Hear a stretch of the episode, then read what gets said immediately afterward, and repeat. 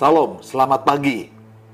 Janganlah engkau lupa memperkatakan kitab Taurat ini, tetapi renungkanlah itu siang dan malam, supaya engkau bertindak hati-hati sesuai dengan segala yang tertulis di dalamnya. Sebab dengan demikian perjalananmu akan berhasil dan engkau akan beruntung. Selamat menikmati hari ini. Mari kita terus mendengarkan firman Tuhan.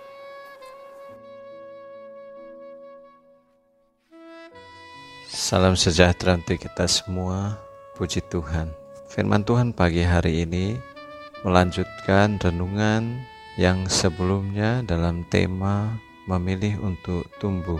Kita telah belajar satu kebenaran firman Tuhan. Rupanya kasih kita itu tumbuh, dia tidak statis.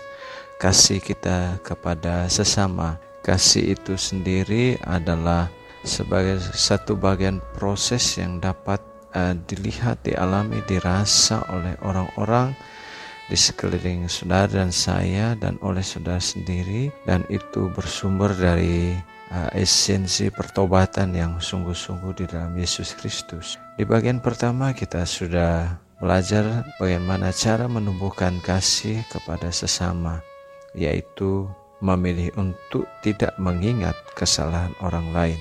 Bagian kedua, bagaimana saudara, saya, kita semua bisa bertumbuh atau kita bisa menumbuhkan kasih kepada sesama adalah menerima kembali. Di dalam ayat 15, kitab Filemon, Sebab mungkin karena itulah dia dipisahkan sejak daripadamu supaya engkau dapat menerimanya untuk selama-lamanya.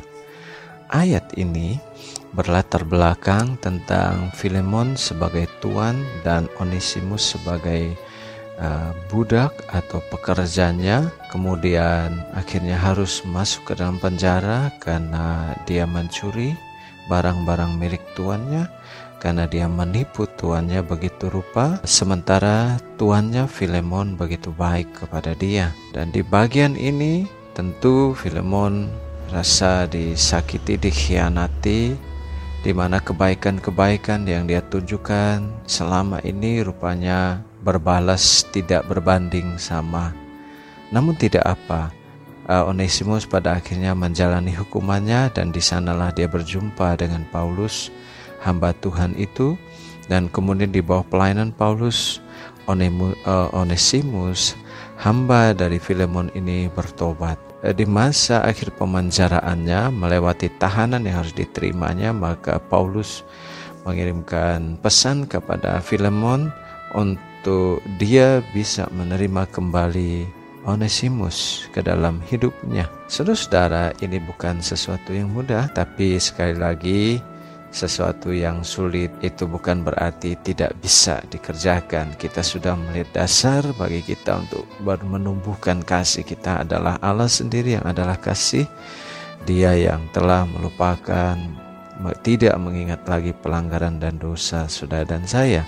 Saudara-saudara sebuah praktik hidup yang dapat menaik kembali seseorang secara penuh apa adanya dia dengan mengesampingkan apa yang pernah dilakukannya.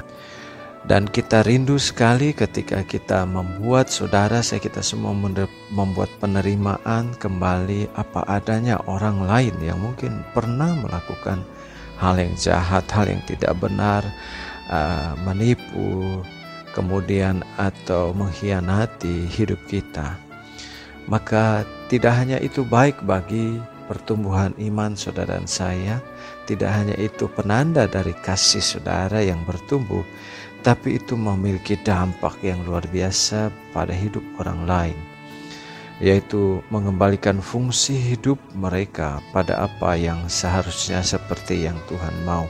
Pada ayat yang ke-11 firman Tuhan mengatakan demikian, Dahulu memang dia tidak berguna bagimu, tetapi sekarang sangat berguna baik bagimu maupun bagiku. Ayat ini, kalimat ini terjadi hanya ketika seseorang yang tadinya hidup tidak benar, mungkin hidup melakukan sesuatu yang uh, tidak baik bagi orang lain, membuat pengkhianatan dan yang lain sebagainya. Kemudian dia kemudian memperbaiki kesalahannya, bahkan dia menerima Yesus sebagai Tuhan dan selamat hidupnya dan kemudian dia diterima kembali Nah, keadaan di mana dia diterima kembali ada ruang seperti ini inilah yang akan memberikan dampak di mana hidup orang tersebut kembali kepada apa yang seharusnya Tuhan mau bagi hidupnya. Nah, puji Tuhan, Tuhan memberkati saudara. Terima kasih saudara sudah bergabung bersama keluarga besar GSJ Yesus Kristus Sampai jumpa, Tuhan memberkati.